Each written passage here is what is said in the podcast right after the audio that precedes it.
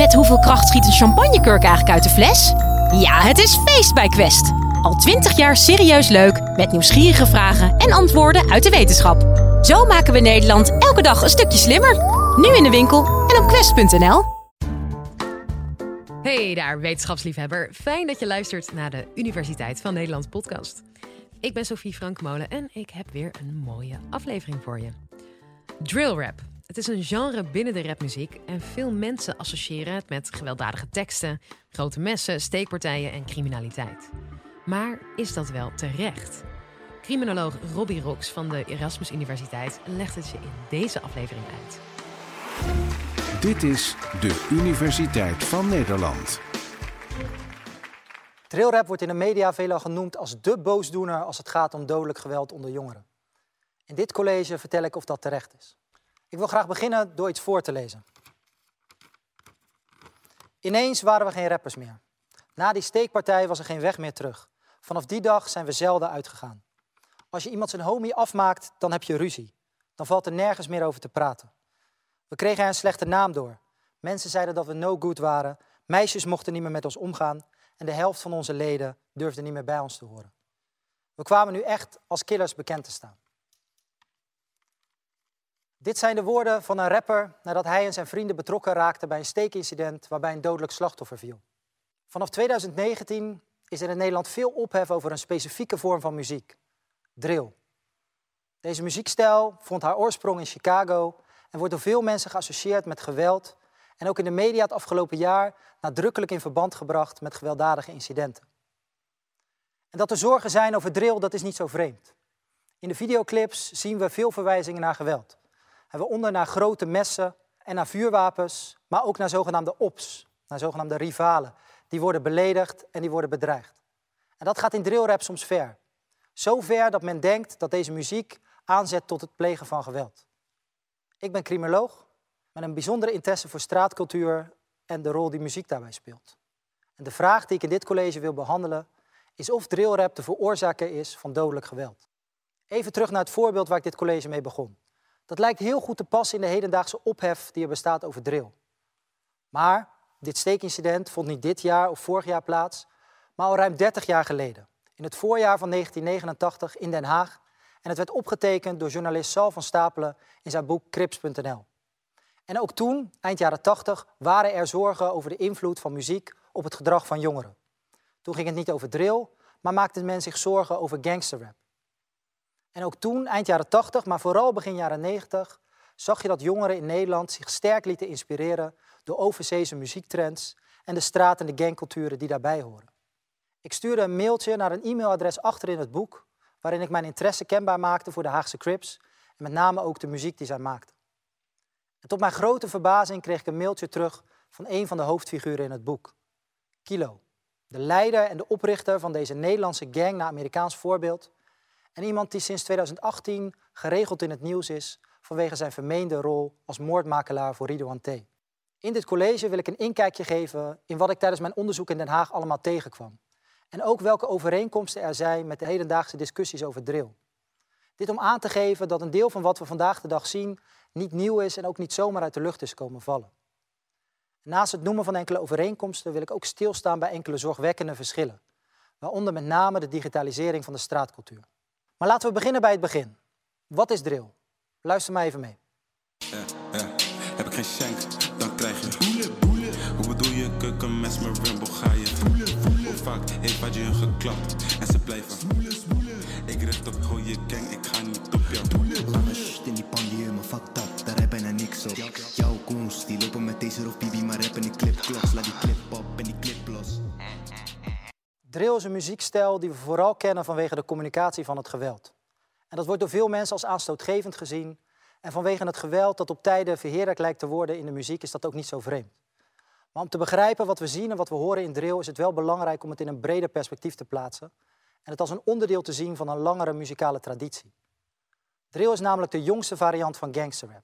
En zou je kunnen zien als de meest recente en ook meest, het meest rauwe subgenre van hip-hop. En hip-hop en rap als de muzikale component van die subcultuur ontstond aan het einde van de jaren 70 op de straten van de achterstandswijken in de Verenigde Staten. En van de hip-hop uit die beginperiode wordt wel gezegd dat het verslag deed van wat er allemaal zich in de leven van die rappers afspeelde. En dan kunnen we denken aan de leuke dingen in het leven, zoals feesten, maar toch zeker ook aan de minder positieve kanten van het leven, zoals opgroeien in wijken te midden van armoede, geweld en criminaliteit. Hip-hop werd heel erg populair in de Verenigde Staten en raakte verspreid naar allerlei plekken. En daar raakte het ook vermengd met allerlei lokale tradities. In Los Angeles ontstond in de jaren 80 gangsterrap. En gangsterrap kennen we vooral vanwege de rauwe reflecties van de rappers op hun sociale omgeving. En vooral ook hun ervaringen met gangs en ganggeweld. En dat alles verpakt met de nodige scheldwoorden en krachttermen. Nou, drill, drill is veel recenter ontstaan, ongeveer een decennium geleden, in Chicago. Of beter gezegd, in Chirac. Een samentrekking van Chicago en Irak om uitdrukking te geven aan de hoeveelheid geweld die er daar plaatsvond. En het was ook geweld dat drill uiteindelijk haar naam gaf. Het drill is namelijk een slangterm die verwijst naar het geluid van vuurwapens. Nou, hoe komt het dan dat we in Nederland niet zozeer denken aan vuurwapens als we horen over drill, maar aan messen? En dat komt omdat drill eerst nog een tussenstop heeft gemaakt in het Verenigd Koninkrijk. Vanuit Chicago waaide het over naar de UK en daar raakte het vermengd met lokale straatstijlen en lokale muziekstijlen. En daar ontstond UK Drill. En omdat de wapenwetgeving in het Verenigd Koninkrijk eigenlijk net als in Nederland anders is dan in de Verenigde Staten, dan zie je dat in de muziek niet zozeer verwijzingen naar vuurwapens terugkomen, maar naar geweld met messen. Vooral ook omdat dat een groot probleem was in de grote steden in het Verenigd Koninkrijk. En vanuit de UK is drill uiteindelijk definitief overgewaaid naar Nederland. En drillers in Nederland halen hun inspiratie voor een deel uit de zogenaamde UK drill, maar ook Chicago drill en de meer recent opgekomen Brooklyn drill zijn populair. Maar het is met name de invloed van UK drill die we terug horen eh, als we luisteren naar het geweld in de muziek. We horen daarin bijvoorbeeld veel verwijzingen naar messen en naar mesgeweld. En het gaat niet over het neersteken van iemand, maar de drillers gebruiken termen als schenken, dippen, splashen, kweffen en cheffen. Het geweld dat in drill gecommuniceerd wordt, dat is niet nieuw. voor een belangrijk deel is dat ook een gewoonte van hip-hop. Het is eigenlijk iets dat erbij hoort. En dat, en dit is wel belangrijk om te benoemen, we ook niet altijd als autobiografisch of als echt zouden moeten zien. En soms heeft het geweld waar de rappers naar verwijzen wortels in de werkelijkheid. Maar niet alle rappers die doen ook letterlijk waar ze het over hebben in hun muziek. En om die reden zouden we dus ook niet al het geweld altijd te letterlijk moeten nemen. En toch, toch zijn er wel een aantal elementen zorgwekkend en ook wel anders dan wat we kennen uit gangsterrap. Bij drill zien we allerlei verwijzingen naar geweld, veelal geïnspireerd door UK drill, die vele malen concreter zijn en ook veel explicieter dan wat we kennen uit gangsterrap. En ik geef een extreem voorbeeld. Het nummer De Pier van de Amsterdamse drillrapformatie 7-3 de Pijp. En dit nummer is een directe verwijzing naar een dodelijk steekincident dat zich afspeelde op de pier van Scheveningen in de zomer van 2020. Een 19-jarige jongen uit Rotterdam kwam om het leven na een conflict tussen twee rivaliserende drillrapgroepen. 7-3 uit Amsterdam en 24 uit Rotterdam. En een van de Amsterdamse drillers rapt het volgende in dat nummer.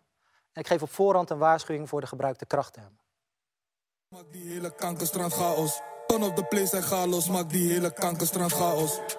2 Videshi, Blakka die was er echt niet. Heel Icy was aan het rennen, sukkel als stoelen, het boeit hem echt niet. En eigenlijk had ik gehoopt dat je dood was, maar het was niet zo. En eigenlijk had ik gehoopt dat je dood was, maar het was niet zo. Je wordt gejohn ik we horen de driller het hebben over 24 Dashi of 2-4 Dashi, oftewel 24, de rapformatie uit Rotterdam-IJsselmonde die aan het rennen was. En dit zijn geen algemene uitingen van geweld, maar hele specifieke verwijzingen naar dingen die zich feitelijk hebben afgespeeld. Zo wordt een overleden vriend belachelijk gemaakt en worden drillers met naam en toenaam uitgedaagd en beledigd. Conflicten die uiteindelijk in de muziek belanden. En ondanks dat de drill in Nederland veel diverser is dan dit voorbeeld illustreert, en geweld ook echt niet het enige of het meest centrale thema is in de muziek, is dit nu wel een voorbeeld van iets wat de huidige ontwikkelingen rondom drill zorgwekkend maakt. Nou, dat is nu, maar om de opkomst van drill goed te kunnen begrijpen en ook wel in perspectief te kunnen plaatsen, moeten we een stukje terug de geschiedenis in. Terug naar eind jaren 80.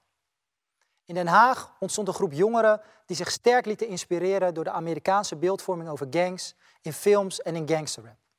En belangrijk om te benoemen is dat deze Amerikaanse voorbeelden de Haagse jongeren niet hebben aangezet tot het plegen van criminaliteit en geweld.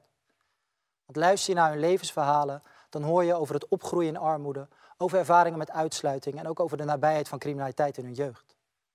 En de Haagse Crips, of de Rolling 200 Crips, zoals ik ze tijdens mijn veldwerk leerde kennen, hadden als uitvalsbasis een kleine wijk in Den Haag. Dat was echt hun wijk, dat zagen ze als hun territorium. En een aantal leden heeft verwijzingen naar die buurt ook groot en soms iets minder groot getatoeëerd op hun lichaam. Soms zelfs leden die niet zijn opgegroeid in de buurt en soms zelfs ook leden die eigenlijk helemaal niet uit Den Haag komen. Tijdens mijn veldwerk bracht ik veel tijd door op straat met leden van de Crips in wat ze wel hun hoed noemen. Geschreven met H200D, een directe verwijzing naar de lokale context van de buurt. En soms stonden leden alleen te hangen in de openbare ruimte van de buurt. Maar er waren ook tijden dat ze echt de buurt aan het bewaken waren. Iets dat ze Hood Patrol noemden. Om zich te bewijzen moesten jongere leden in allerlei weersomstandigheden de buurt verdedigen en op wacht staan bij de in- en de uitgangen van de buurt met een scherp oog op mogelijke indringers of vijanden. Nou, de Crips groeide in Nederland uit tot een bekende en ook wel beruchte gang en diverse leden zijn in de loop der jaren veroordeeld voor zware delicten. Maar als we kijken naar dat claimen en het verdedigen van territorium, dan lijkt dat in Nederland een meer symbolische functie te hebben. Bovendien is het ook iets dat bij een echte gang lijkt te horen. Tenminste, als we afgaan op de meer stereotypische beeldvorming over gangs in rapmuziek en in populaire cultuur.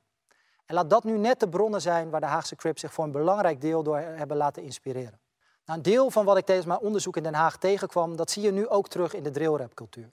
Zo zie je dat jongeren zich graag willen presenteren als onderdeel van een gang en zich sterk hebben laten inspireren door muziek, afkomstig uit Chicago, uit het Verenigd Koninkrijk en meer recent ook uit Brooklyn. En dit hoor je terug in de muziek die ze maken, dit zie je terug in de manier waarop ze zich kleden, in hun taalgebruik en ook wel de symbolen in de clips, waaronder ook het laten zien van grote messen. En ook zien we voorbeelden waarin het belang van territorium heel erg duidelijk wordt. En dat zien we onder andere terug in de namen van drillrappers en van drillrapgroepen. Wat in Scheveningen uit de hand liep was een conflict tussen 24, en dat is een deel van de openbaar vervoerscode uit Rotterdam, en 73, en dat is een deel van de postcode uit Amsterdam. En toch is die territorialiteit ook wel wat anders dan wat ik zag bij de Crips. Nu zie je bijvoorbeeld dat drillrapgroepen elkaar uitdagen door foto's en video's op social media te plaatsen, terwijl ze in elkaars buurt zijn. Iets dat ze in de drillrapcultuur opblok noemen. Het is met name het gebruik van social media door drillers wat mij als onderzoeker intrigeert. Vooral omdat we hier te maken hebben met een relatief nieuwe ontwikkeling.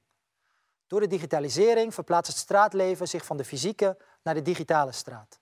Naar allerlei social media platforms als Instagram, Snapchat en YouTube. En drillers gebruiken deze social media om een bepaalde versie van zichzelf neer te zetten en hun gang en hun muziek onder de aandacht te brengen. En ook hier zien we een interessante parallel met de Haagse Crips. Die deden dat vroeger in zekere zin ook. Niet op social media, maar wel in de vorm van reportages in de revue met mooie foto's, een boek en de documentaire Strapped and Strong. En via deze traditionele media hebben ze in de loop der jaren ontzettend veel over zichzelf verteld en ook over hun betrokkenheid bij de handel in verdovende middelen en hun ervaringen met geweld. tegenwoordig heb je de traditionele media eigenlijk niet meer nodig. Tegenwoordig kun je, als je dat zou willen, allerlei berichten, video's en muziek de wereld inslingeren waarin de centrale boodschap is dat jij een gewelddadig persoon bent die er niet voor terugdeinst om geweld te gebruiken als dat nodig is. En je zou nu misschien kunnen denken, weet je, zolang dat bij rappen of bij praten blijft, dan is er toch niet heel veel aan de hand. En voor een deel klopt dat. Maar het kan wel degelijk consequenties hebben. Communiceren over geweld is niet vrijblijvend. Niet op straat, niet op social media en niet in de muziek. Wanneer jij een gewelddadige voorstelling van zaken geeft, dan kan dat gevolgen hebben. Zeker wanneer het heel erg zichtbaar is op het internet. En daarbij komt iets anders dat ook wel nieuw en zorgwekkend is. Drillers lijken namelijk heel goed van elkaar te weten dat ze zich stoerder en gewelddadiger voordoen online dan, dan ze misschien daadwerkelijk zijn. En wat doen ze met die wetenschap? Online gaan ze op zoek naar extra informatie. Op zoek naar tegenstrijdigheden in de manier waarop andere drillers zich op social media presenteren. Oh, je bent gangster in je tracks toch? Maar ik hoor, je doet die en die opleiding op die en die school. En anders dan vroeger gaat het nu niet alleen maar meer om de mensen die direct bij een conflict betrokken zijn, maar is het eigenlijk zichtbaar voor iedereen die online verbonden is met deze jonge mensen. En bovendien wordt deze digitale content gedeeld op WhatsApp, via accounts op Instagram, in groepen op Telegram. Dus heel veel mensen zien het, die delen het, die liken het en die reageren er soms ook op.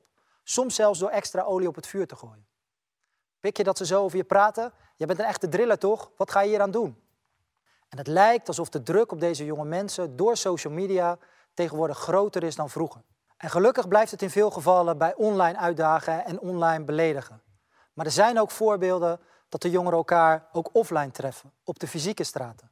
En er zijn ook voorbeelden Zoals in september 2019 in Amsterdam en in augustus 2020 in Scheveningen, dat het dan ontzettend uit de hand loopt en resulteert in fysiek en ook dodelijk geweld. Begonnen dit college met de vraag: is drillrap de veroorzaker van dodelijk geweld? Ik heb duidelijk geprobeerd te maken dat drill zeker zorgwekkende ontwikkelingen met zich meebrengt, maar dat de focus niet alleen op muziek zou moeten leggen. Muziek kan namelijk ook bijzonder positief werken voor jongeren en kan ook voor jongeren betekenen dat ze juist een stap wegzetten van de straat. En bovendien is het geweld dat we zien niet zozeer het resultaat van de muziek die gemaakt wordt door deze jonge mensen, maar veel meer door de manier waarop deze jonge mensen gebruik maken van social media. Dus, veroorzaakt drill dodelijk geweld? Nee, dat is te simpel. Vooral ook omdat we daarmee voorbij gaan aan alles wat er nog meer aan de hand is in de levens van deze jonge mensen. En als we het geweld onder jongeren echt willen begrijpen en ook goed willen verklaren, dan zullen we de komende jaren vooral onderzoek moeten doen naar die structurele factoren van het geweld. En dan moeten we niet alleen maar luisteren naar de muziek die ze maken of kijken naar wat ze op social media plaatsen, maar dan moeten we met hen in gesprek gaan. En dan moeten we hen vragen naar hun individuele levensverhalen en ook goed luisteren naar wat ze ons allemaal te vertellen hebben. Je hoorde Robbie Rox. Fijn dat je weer luisterde. En je weet het hè, elke week twee nieuwe afleveringen. Volgende keer eentje over de wetenschap achter. Een lekker potje janken. Tot dan!